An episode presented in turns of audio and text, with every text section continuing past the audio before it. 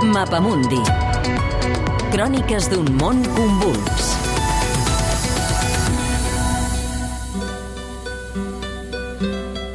La Covid als Balcans. Crítiques a una gestió polititzada de la pandèmia. Eslovènia. Aquest país es va posar com a model de bona gestió durant la primera onada, però a la tardor hi van augmentar molt els casos i han tingut unes taxes de contagis i mortalitat de les pitjors del món i la més alta de la Unió Europea. Cristina Basic Tomsé és directora de teatre a Ljubljana i lectora de català a la Universitat de la capital eslovena.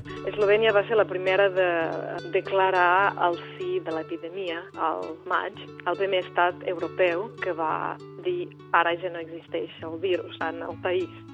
La primera onada no va afectar gaire ni a nivell de, de casos de, del Covid ni a nivell de morts. No? I ara, jo crec que ara mateix eh, Eslovènia es troba en el tercer lloc al món segons la mortalitat. Epidemija koronavirusa je odprla številne vprašanja in dileme. Les sortides de to del primer ministre Janez Jansa fan que molta gent ja no faci cas de les recomanacions. També li han comportat la sortida dels seus socis de govern i la dimissió del ministre de Sanitat, una cartera que ha quedat en mans del primer ministre. Com ho veuen, si, si el primer ministre decideix de fer de ministre de Sanitat perquè no hi ha altra alternativa, no? Però sí que no li fan gaire cas. A mi em sembla que, que la gent confia més de, de si mateix i de prendre algunes mesures més uh, racionals. Sèrbia. A Sèrbia, la segona i tercera onada han estat molt pitjors que la primera. Després d'un confinament dur al març, es van retirar de cop totes les restriccions abans de fer eleccions. Poc després dels comicis, el govern va voler instaurar un nou tancament, que va desencadenar protestes i un intent d'assalt al Parlament. Àlex Roca és economista i viu a Sèrbia des de fa 13 anys. Va ser un escàndol molt gran que es va jugar al derbi d'aquí de la ciutat, de l'Estrella Vermella amb el Partizan, i que van haver 16.000 espectadors. Era perquè el 21 de juny es feien a celebrar les eleccions presidencials.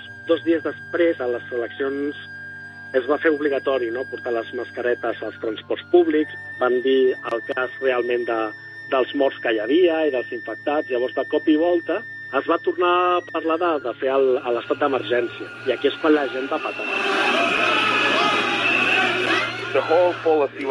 Totes les polítiques estaven orientades cap a les eleccions perquè es plantejaven com una necessitat. Estava tan clar, després d'un confinament estricte van passar a la llibertat total durant unes setmanes. Els epidemiòlegs van canviar totalment el seu discurs i l'epidemiòloga principal va fins i tot argumentar que promoure les eleccions formava part del seu deure cívic. I després de tot això, es va acabar convertint en ministre del nou govern. Vam tenir més casos i van reinstaurar mesures.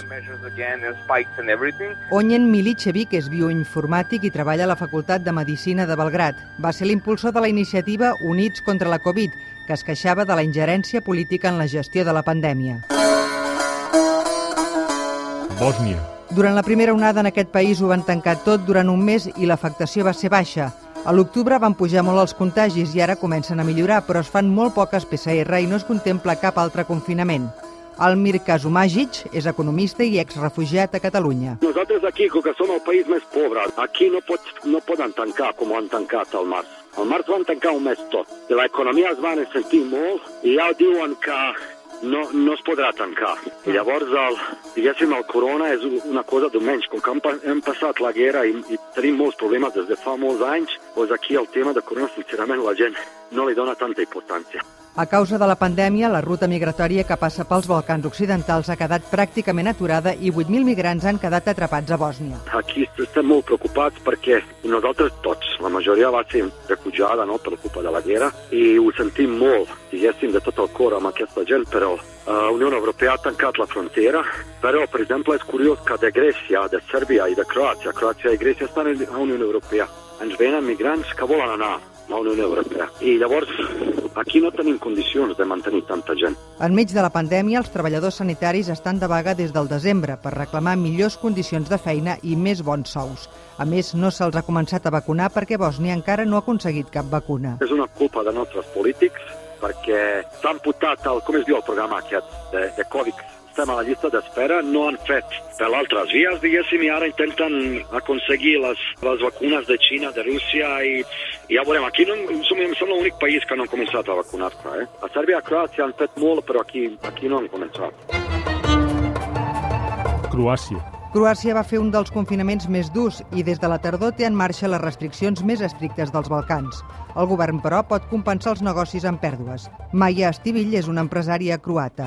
El govern s'ha implicat molt i diuen que han salvat més de 600.000 llocs de treball des del començament. Fa subvencions directes als empresaris i abona per cada lloc de treball aturat uns 600 euros al mes. La incidència és semblant a la d'Alemanya i la meitat que la que tenim a Catalunya, però la segona onada també ha estat pitjor que la del març i han hagut de fer hospitals d'emergència en estadis esportius per tractar els malalts.